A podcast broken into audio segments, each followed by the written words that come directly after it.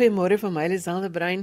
Ons het dit gemaak. Dit is die eerste Sondag van 2022 en tyd vir die eerste Sondag Joernaal van 2022 hier op RSG 100 tot 104 FM. Ek hoop almal is goed uitgerus en reg om die nuwe jaar met mening aan te pak. Ons program is propvol inspirasie en geloofstories en godsdienstsake soos gewoonlik en ons kuier saam tot net voor die 8 uur nuus. Vanoggend gesels ek met Dominee Rudi Swanepoel van die Andrew Murray gemeente in Johannesburg en ons gaan gesels oor volharding en so 'n bietjie nuwe asem asem in ons gedagtes inblaas. Dominigert Hendrik Veldman van Nuwe Hoop Sentrum naby Vredenburg en Delia Niemand deel met ons hulle geloofspad. En Lenet Beer inspireer ons vir die week wat voorlê. 'n volprogram met stories wat fokus op vertroue en verandering en daar's ook plek vir jou stem. Jy kan vir ons SMS by 45889. Dit kos jou R1.50 per SMS en jy kan ook saamgesels op Facebook by Sondagjoernaal se blad. As jy DStv het, kan jy ons luister op die audiokanaal 813 en jy kan ons ook kry op die internet by rsg.co.za.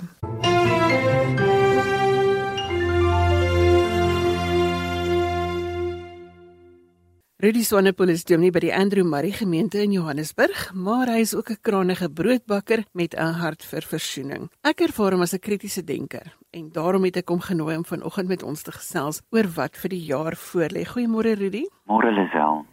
Rudy, mens kan sien hier by my, staan ons aan die begin van die jaar want alles hier by my is vars en 'n nuwe kolpunte ingedeel. Ek wil graag hê ons moet vanoggend stil staan by volharding, veral so hier op dag 2 aan die begin van die nuwe jaar. Kom ons gesels 'n bietjie daaroor. Lisel, ek dink is die natuurlikste ding vir almal van ons om aan die begin van hierdie jaar te voel asof ons nie seker is dat ons kan sien vir vir die jaar wat kom nie. Ons is deur twee ongelooflik moeilike jare en ek dink almal van ons het op unieke maniere geprosesseer wat met ons gebeur en wat om ons gebeur. Ek het net onlangs 'n klomp statistiek gesien van die impak, die sielkundige impak op mense in hierdie tyd.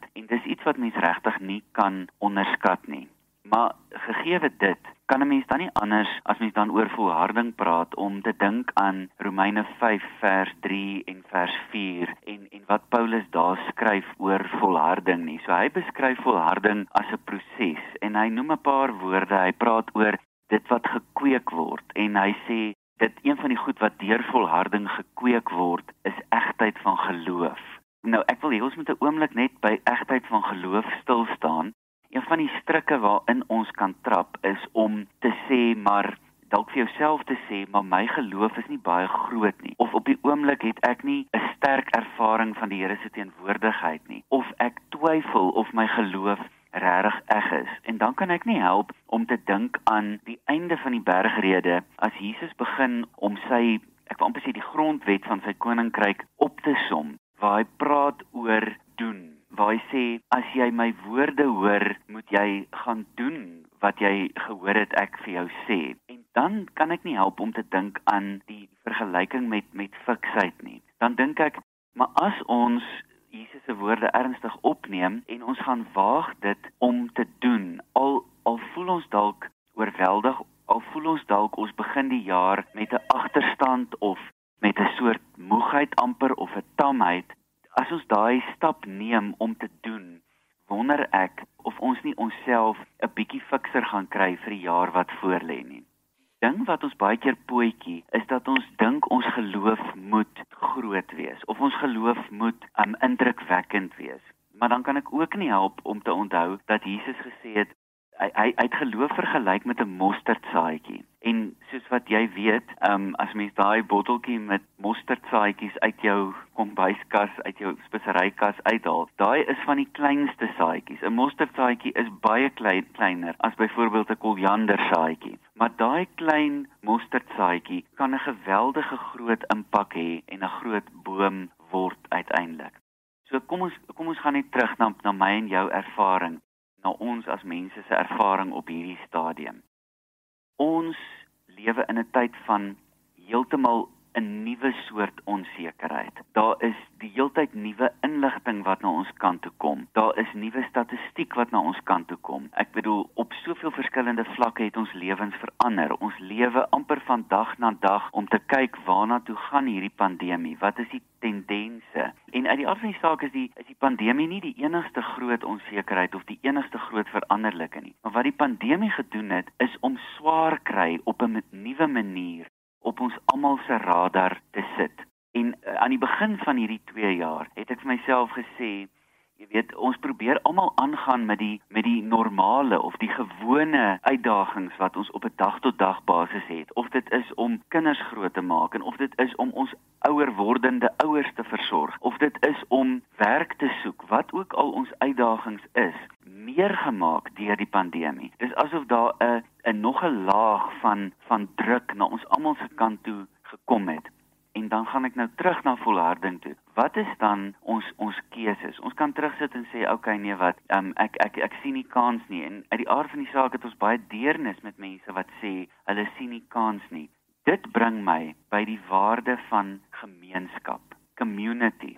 Ons het mekaar meer nodig as ooit. En as ek dink aan die Bybelse beeld van bymekaar kom plekke. Die Ou Testament, die vergadering, uh, baie plekke op gereelde basis op die, uh, in die Ou Testament word gepraat van die vergadering, die bymekaar koms van gelowiges. In die Nuwe Testament kerk of gemeente of gemeenskap. Daar in daai gemeenskap van gelowiges is daar iemand wat na jou kan luister, iemand wat jou kan ondersteun, iemand wat jou kan raad gee, iemand wat jou kan help. En daar's ook iemand wat jou nodig het, wat jou hulp nodig het, wat jou insig nodig het, wat jou storie nodig het, wat jou perspektief nodig het.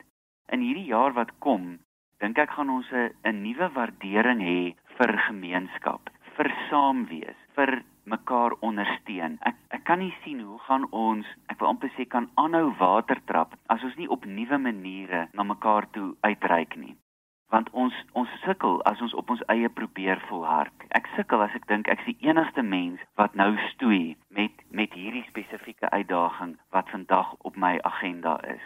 Ons het mekaar meer nodig as ooit. Redik terselfdertyd, as ons nou terug gaan na Romeine 5, dan staan daar egtheid van geloof, kweek hoop en ons het hoop hiervan nodig vir die nuwe jaar.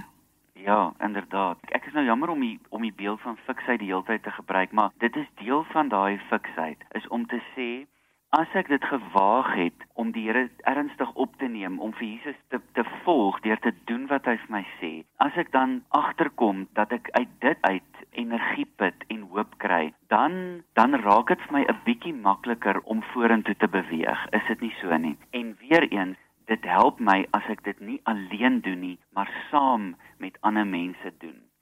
En dan die groot ding wat ons baie keer vergeet, is dat saam met die redding, saam met die vergifnis, saam met die genade wat Jesus gebring en gewys en geleef het, sê die Bybel tog ook vir ons dat hy ons hoop is. Hy is ons hoop, maar ons kan nie vir hom as abstrakte hoop losmaak van daai gemeenskap van gelowiges nie. So in die gemeenskap van gelowiges, binne in die liggaam van Christus, die gemeente, die bymekaar kom plek van die heiliges, van die gelowiges, daar vind ek ook hoop omdat Christus op 'n op 'n misterieuse, op 'n geheimsinnige manier betrokke is daar, teenwoordig is daar. Hy is daar waar ek gekonfronteer word of ontmoet word deur my suster en my broer in hom. Ek wil amper sê ek weet nie van baie beter planne om deur hierdie nuwe jaar te kom as om ons hoop en ons troos en ons bemoediging te gaan soek in die geloofsgemeenskap. Jy weet, daar's soveel statistiek oor die oor die kwyn, die kwyning, die die daling van getalle in gevestigde kerke of in kerke of in geloofsgemeenskappe. Ek dink regtig hierdie jaar gee vir ons amper 'n nuwe uit uitnodiging, 'n nuwe geleentheid om dalk terug te keer na geloofsgemeenskappe toe en te sê, weet jy wat, dis nie perfek. 'n Kerk of 'n geloofsgemeenskap is nie 'n plek waar alles die heeltyd werk en waar mense die heeltyd net alles bymekaar het en reg kry nie. Ons geloofsgemeenskappe moet ruimtes wees vir mense wat dit nie bymekaar het nie, vir mense wat sukkel, vir mense wat stoei om net deur die volgende dag te kom. Ons as geloofsleiers ook het 'n groot verantwoordelikheid om die tipe ruimtes te skep waar mense voel ek hoef nie perfek te wees nie. Ek hoef nie my dinge bymekaar te hê en uitgesorteer te wees, maar dat ek juis welkom is omdat iemand anders langs my kan loop en saam met my kan loop en saam met my kan dra aan die las wat op hierdie stadium oor my pad gekom het. Ons los jou vanoggend met die gedagte van Romeine 5. Wees deel van 'n gemeenskap en onthou hoop gee vir ons 'n nuwe lewensuitsig. So mag jou 2022 hoopvol wees. Rudy baie dankie vir die saamkuier vanoggend. Plesier.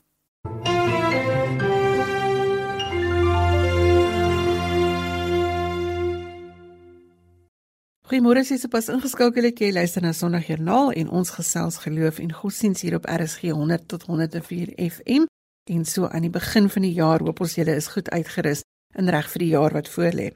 Jy luister na Sondagjoernaal saam met Lisel en Neil Roo is ons tegniese regisseur. Ons staan aan die begin van 'n nuwe jaar wat ons almal hopelik met groot ywer en dankbaarheid gaan aanpak. En so van dankbaarheid gepraat, ek hoop jy het vir jou 'n nuwe joernaal ingeskaf met skoon bladsye sodat jy met jou nuwe dankbaarheidsjoernaal kan begin. Ek gaan jou soos verlede jaar elke Sondag nooi om met ons te deel waarvoor jy dankbaar is. So begin so lank om jou notas te maak en om neer te skryf waarvoor jy dankbaar is. Delia niemand woon in Klerksdorp en ons gesels vanoggend met haar oor die verskil wat geloof in haar lewe gemaak het. Goeiemôre Delia. Môre Lisel. Wie is Delia niemand as jy jouself vir ons in 'n netedop moet saamvat? Ek is iemand wat Jesus Christus op 'n baie jong ouderdom ervaar het, so vroeg as 2 jaar oud. Ek is wedergebore en ek dien hom in gees en waarheid. Ek het 'n passie vir evangelisasie vir verlore siele, die bruid van Christus en ek sien baie uit na Jesus se terugkeer op aarde. Jy het baie skielik siek geword wat jou geloofservaring baie verdiep het. Vertel ons so 'n bietjie daarvan.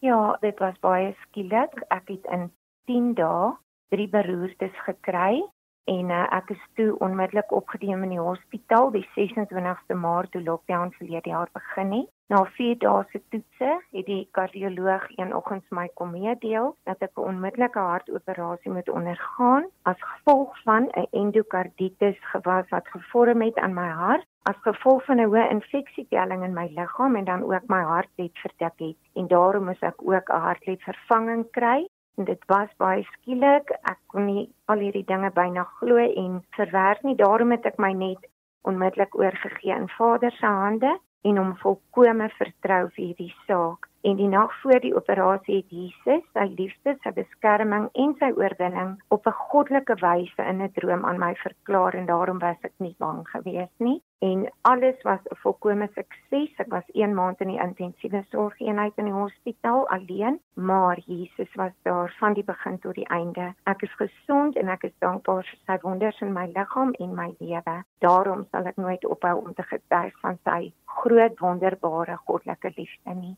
Delia, mense vra gereeld vir my hoe hoor 'n mens God se stem? Jy sê jy het 'n droom gehad. Jy het nie vinnig gesond geword nie. Dit het tyd gevat. Vertel ons 'n bietjie van die droom wat jy gehad het. Ek het gedroom die nag voor die operasie. Ek is in die in 'n mooi woud, groen bome, groen gras en toe ek na my regterkant toe kyk, sien ek 'n verskriklike breë rivier en ek weet ek moet deur hierdie rivier gaan en ek weet nie hoe nie. En onmiddellik is asof iets my net na my linkerkant toe draai en daar in hierdie mooi groen woud op die groen gras begin daar fairy lights, hierdie klein mooi sterretjies uit die grond uitkom en dit vorm 'n groot sirkel en toe hierdie sirkel voltooi is, toe spring daar skielik 'n groot spierwit perd met 'n vors uit hierdie sterretjie sirkel en hy spring in die lug en hy kap met sy voorpote so hoog in die lug, maar dit is die witste wit wat ek nie kan beskryf nie. En sy hare was soos lokke wat so in die wind reguit gestaan het van van die fors waarmee hy opgespring het. En toe ek weer kyk toe sit weer hierdie rivier. Die volgende oomblik het ek my voor 'n baie hoë berg bevind en ek het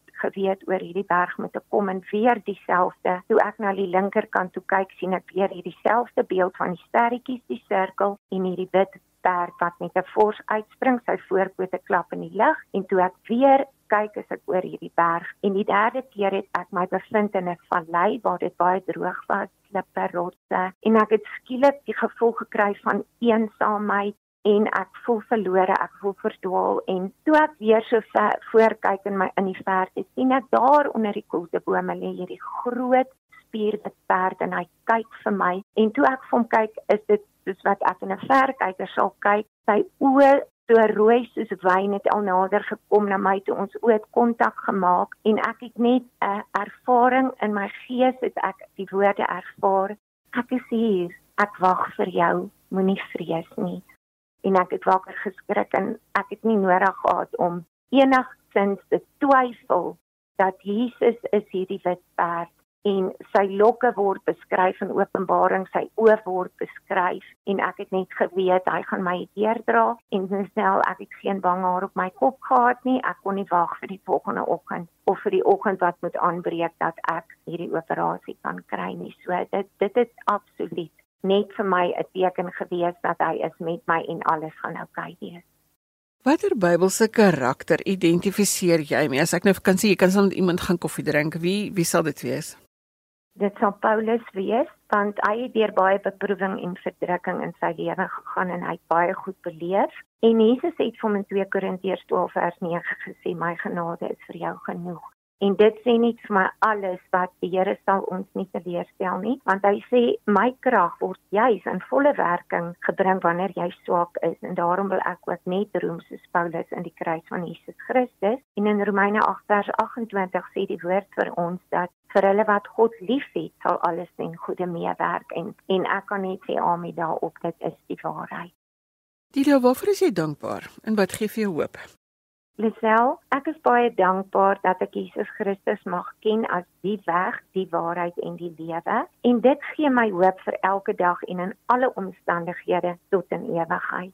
En ek wil net vir die luisteraars vanmôre sê, eendag sal alles sin maak hoekom ons deur alles moet gaan. Ons het nie nou die antwoorde nie, maar vir nou moet ons die goeie stryd van die geloof stry. Ons moet op ons knieë bly en God onvoorwaardelik vertrou en leef in dankbaarheid daar's 'n spreekwoord wat sê the more you trust God, the more he will amaze you. En so gesels Delia niemand sy woon in Klerksdorp en ons het vanoggend met haar gesels hoe sy haar geloof beleef het in die tyd van COVID waar sy alleen in die hospitaal moes wees met 'n ernstige operasie. Delia baie dankie vir die saamgesels vanoggend. En dis 'n groot plesier Lisel baie dankie.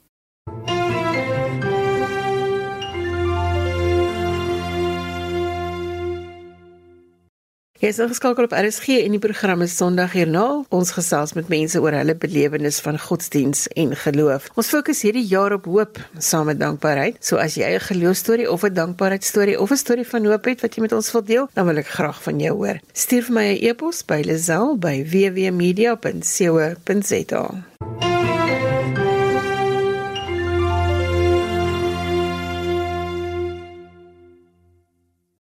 Gert Hendrik Veldman is 'n metallurgiese ingenieur wat lank in Australië gewerk het, maar hy het ook 'n geloofstorie wat sy lewe in 'n heel ander rigting hier in Suid-Afrika gestuur het en ons gesels vanoggend met hom. Goeiemôre Gert. Goeiemôre Lisel en ja, goeiemôre ook aan al die luisteraars wat sal inluister. Vertel vir ons, wat doen 'n metallurgiese ingenieur? Ja, Lisel, dis mos nou maar die chemie van metale, jy weet, en ek het spesifiek in pyrometallurgie gespesialiseer En in pyrometallurgie ontwikkel ons nuwe prosesse om dan metale te vervaardig. Jy weet wat mense kan gebruik, dis mos maar hoe karre ry, staal en byvoorbeeld koper soos om elektrisiteit oor die kragdrade te kry. Ja, so die nuwe prosesse help ons om dan uit die grondstowwe uit metale te maak wat vir die mens voordelig is. En ja, dis juist ook met met hierdie nuwe prosesse wat ek toe op die ou end in Australië beland het, Lisel.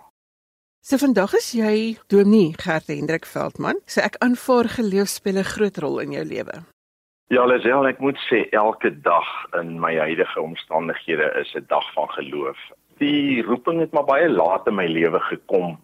Ons Hemelse Vader werk maar op unieke maniere. Jy weet, hy het 'n hy het op unieke maniere ingrype in my lewe gemaak. Ja, dis miskien 'n gesprek vir 'n ander dag, maar op daai unieke manier het hy my uit my gemaksone gevat. Ek uh, was baie gemaklik in die ingenieurswese, maar ja, die Here het op 'n unieke manier my daar uitgehaal. Die hele agterlaat van die koöperatiewe omgewing en die ingenieurskonsultasie area was 'n baie groot stap in geloof. Jy weet om dit vaarwel toe te roep, het geverg dat ek in totale vertroue op die Here hierdie nuwe pad moes aanpak. En nou ja, dit het al 21 jaar gelede wat ek in Australië beland het en so 17 jaar in Australië gewees voordat ek so min of meer 4 jaar gelede hierdie groot stap in geloof geneem het in met die koninkrykswerk in geloofsvertroue hierso teruggekom in Suid-Afrika toe en ja, het ons die bediening hier begin en ehm um, die bediening waarna ek nou werk is eintlik maar ook 'n geloofstaak elke dag, jy weet. En wie hulle sê, dis net ongelooflik hoe as ons so in totaliteit op die Here vertrou, hoe hy sy seëninge en sy jy weet al die voorsiening wat hy oor ons lewe bring. Dis net ongelooflik hoe hy sy seëninge dan gebied as ons so in totale vertroue op hom uh, ons dagtaak volvoer. Jy werk met rehabilitasie van enige vorm. Daar's soveel plekke in ons lewe wat gerehabiliteer moet word. Sal ek reg wees as ek sê dat die Here ook jou lewe gerehabiliteer het?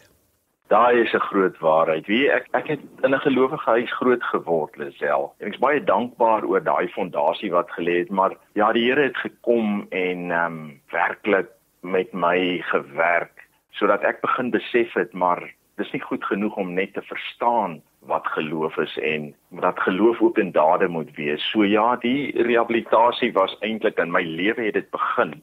En ja, ek moet jou vertel, die Here het eintlik op 'n wonderbaarlike manier het hy my uitgeruk en my werklik by geloofsdade gebring. Jy weet nie net verstaan van wat geloof is en wie Christus is nie, maar maar werklik om dit uit te leef want daar's 'n groot verskil om net te verstaan en dat daai verstaan dan na ons hart toe gaan en dan uiteindelik, jy weet, moet dit in ons in ons dade, in ons gedagtes, ja, ons hande en voete moet eintlik begin om te getuig van die werk wat hy in ons doen. So ja, my lewe was voorwaar 'n uh, rehabilitasie, ja. As ek nou vir jou sê jy kan enige Bybelse karakter kies om mee te gaan koffie drink, wie sal dit wees? jo, ja, dit sal baie interessant wees. Jy weet daar's al sulke groot Bybelse karakters Maar weet jy, ek sal graag gaan wil koffie drink met Nehemia. Weet as as ou net dink aan uh, Nehemia, hy's daar ja in die Persiese ryk en hy's eintlik die skinker van koning Ahasveros, nê. Nee. En hier kom Judeërs en hulle kom sê vir hom hoe moeilik dit gaan met die ballinge wat teruggekeer het na Jerusalem en die mure wat in puin lê en die in die stadspoorte wat verbrand is en ja op die manier kom daar 'n roeping by hom en en ja hy gaan terug en met 'n gesamentlike poging word daai mure herbou. Ek ek dink hy sal vir 'n mens soveel wysheid kan gee. Eintlik moet ek sê met jy weet as Esra kan insit in die koffiedrinkery, ek dink ek sal aan hulle lippe hang oor die oor die wysheid wat hulle vir 'n ou sal kan uh, deel om om self 'n ou se eie dinge op 'n gelowige manier aan te pak. Jy weet, daai totale geloofsvertroue dat God sal beskerm en voorsien. Een van die tekste wat vir my baie sterk staan is in Nehemia 4 vers 9. Jy weet daar sê Nehemia, ons het tot God gebid. Eerste sê hy ons het tot God gebid en dan het ons wagte uitgesit dag en nag. So uit op saam met die Israeliete of die wat teruggekeer het uit ballingskap uit, het hy eintlik dag vir dag ook gedoen wat die Here oor hulle pad gebring het. So ek dink om 'n koffie te drink met iemand soos Nehemia en Esra sal 'n baie besondere ondervinding wees. Ek wonder altyd of ons lekker met hulle sal kan gesels oor wat in ons tyd gebeur en wat hulle raad vir ons sal wees. Wat maak jou dankbaar in die lewe? Ja, Lisel, jong, tweede kanse. Die Here het mos 'n unieke manier hoe hy vir gelowiges tweede kanse in die lewe gee en ja, ek is besonder dankbaar dat ek ook hierdie tweede kans gekry het om werklik in die koninkryk te kan werk saam met medegelowiges die bediening waarna ek ook nou betrokke is, het, het baie te doen met tweede kansse vir mense. Mense wat verslaaf is aan verskillende dinge en daai tweede kansse wanneer die Here kragtig in ons lewe werk en wat dan gebeur in 'n mens se lewe is eintlik baie baie besonder. So, ja, as jy vra waarvoor is ek dankbaar, dan is ek dankbaar vir tweede kansse, eerstens vir die Here se werk daarin, sy genade, sy liefde. Maar ja, ek moet ook sê die Christelike opvoeding wat ek van my ouers gekry het, daai grondslag wat gelê is. Ek is ook baie dankbaar vir stadium toe ek ehm um, ja, toe die Here die roeping laat in my lewe gekom het. Moet ek ook vir jou sê, my vrou was instrumenteel in die hele feit dat ek teologie gaan studeer het. So ek is baie dankbaar vir Adri wat ook my daai ondersteuning gebied het dat dit vir my moontlik was om teologie te gaan studeer. Uh, ja, Lisel. Gert Hendrik, baie mense sukkel vandag om hoop raak te sien en om hoop te kry. Wat gee vir jou hoop? Wel weet jy daar's 'n groot verbintenis tussen dankbaarheid en hoop en ek moet vir jou sê die Here se groot liefde en genade. Dis wat vir my hoop gee want ek het dit soos ek net nou voorheen genoem het, ek het baie sterk in my eie lewe ervaar. Jy weet ons kan so maklik ek wil amper sê gewoonte Christene word. Jy weet ons gemaksones So so moeilik om uit dit uit te breek. So die hoop wat ek sien wanneer die Here op sy unieke manier kom en dan vir ons daai nuwe hoop gee in sy groot genade. Dit is dit dis wat vir my hoop is.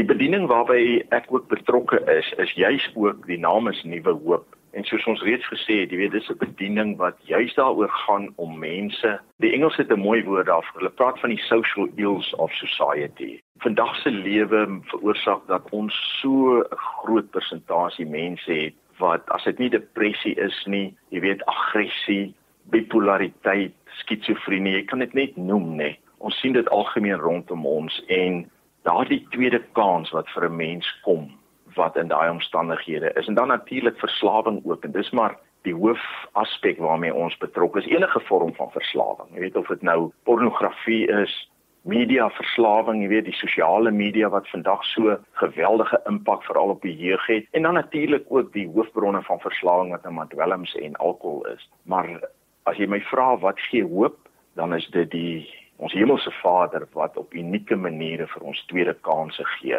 in ons lewens. Ja, tweede kansse is waar my hoop lê. Ook vir Suid-Afrika, jy weet ons is 'n land waar daar nou nuwe dinge besig is om te gebeur en ja, die Here is ook besig met iets wonderlik in ons eie land.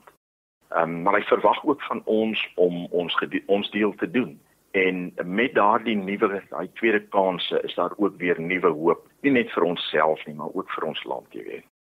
En so gesels Dominee Gert Hendrik Veldman. Hy is 'n metallurgiese ingenieur wat 'n dominee geword het en ons het vanoggend gehoor wat die rol is wat die Here in sy lewe speel. Gert Hendrik, baie dankie vir die samesels vanoggend. Dis ja, ja, ek moet sê baie dankie van my kant af vir die geleentheid. Ek was skoon oorbluf toe ek van jou hoor en jy vra of jy 'n onderhoud kan voer. So baie baie dankie en baie seën vir jou en vir almal daar by RSG en ook vir almal wat inluister. Seënwense van ons hemelse Vader.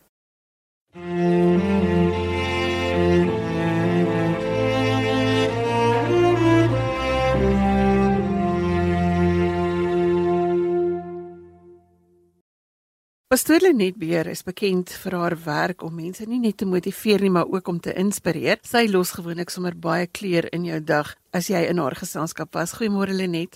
Môre wel, lekker om met jou te praat.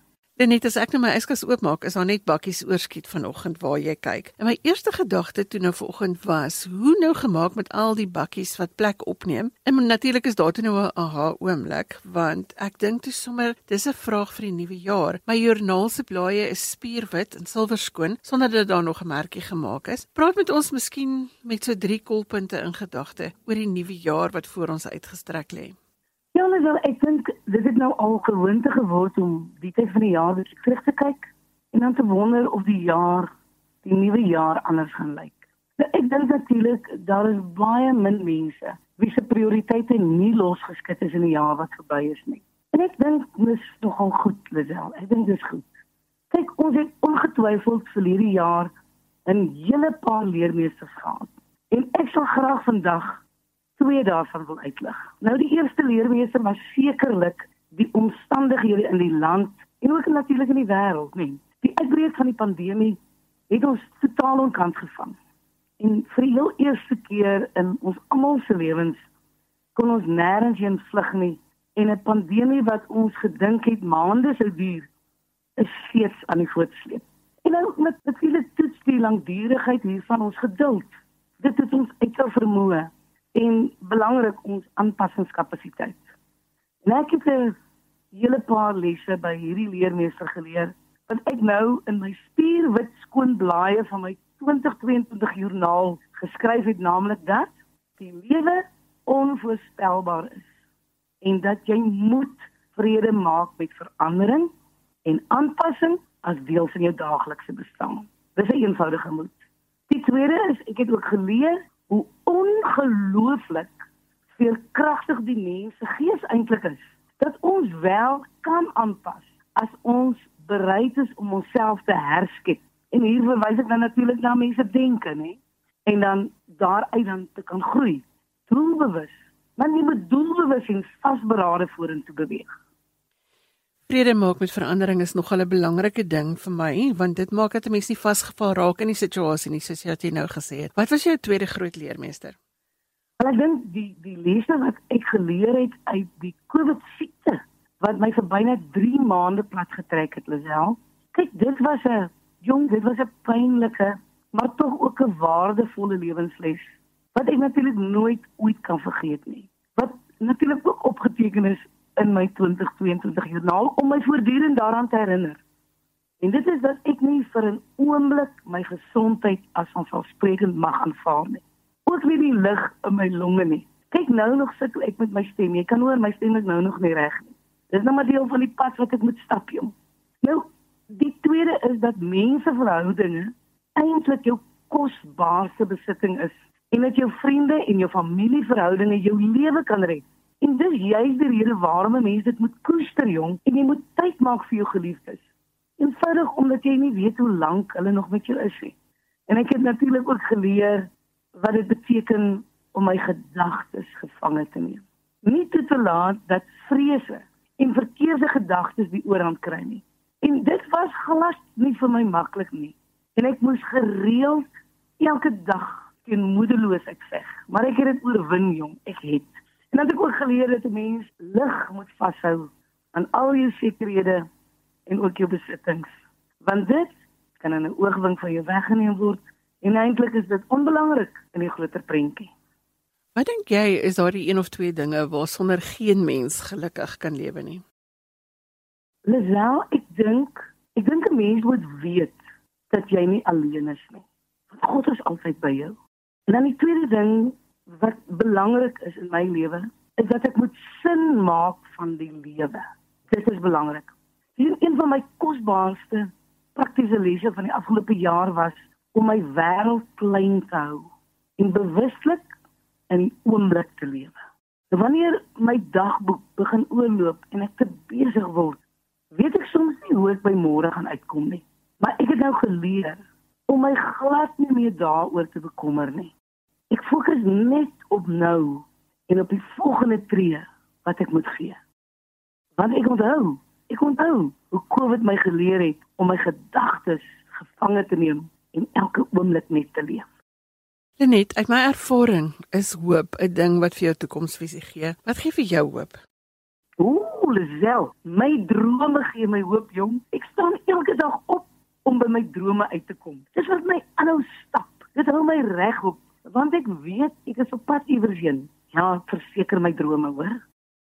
Iewers in verlede jare daar 'n SMS gekom van 'n uh, luisteraar wat gevra het, het ek geen ander vraag as dit waarvoor jy dankbaar is nie, maar ek ervaar dat dankbaarheid baie voordele het. Dis nie net emosioneel nie, maar ook fisies. En ek voel uiters baie sterk daaroor dat almal dit deel van hulle daaglikse lewe behoort te maak. So, hoe ver strek jou dankbaarheid?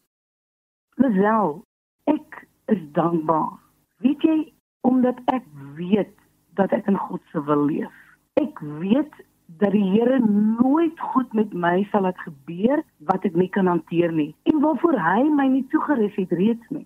En dat niks, man niks my uit God se hand kan ruk nie. Jong, dit maak my spring bly opgewonde. Nie die dood nie, nie siekte nie, geen COVID nie, niks nie man. Hy ken mos my vermoëns en dit maak my verskriklik dankbaar. En en weet jy wel, ek is eintlik ook verskriklik dankbaar oor 2021 met al sy swaar kry. Want dit het my 'n wonderlike ewigheidsperspektief gegee en vir my die koring van die kaflas skei. Ek maak myself glad nie meer moeg oor onbenullighede in die lewe nie. Besef jy, besef jy dat ons in hierdie dae van onsekerheid en natuurlik beerdkrag elke dag uitgedaag word om beheer oor te gee en om nuwe planne te maak. En baie keer, baie keer is die nuwe planne baie meer kreatief. Dis beter planne. Ons word gedwing om buigsaam en geduldig te word. Maar ons leer ook om in die toekoms uit te klim en nou in die oomblik te lewe. En ons, man, ons as kinders van God weet mos dat ons uiteindelik almal hierdie planeet gaan verlaat om vir ewig te lewe. En ons moet dus ophou om te beklei en bekommer te wees oor dinge wat eintlik glad nie saak maak nie. So ek sien dit so uit na 2022. Ek sien uit na al die verrassings wat op ons wag. En een van my leuses was nog altyd om te lewe tot jy doodgaan. Nie voor die tyd nie. Ek gaan my glad nie toeverf in hierdie nuwe jaar in angs en vrees oor wat moontlik verkeerd kan gaan nie. En belangrik, Lisel, ek gaan lief wees vir die lewe en ek gaan mense wat my te nakom, gaan ek dadelik vergewe.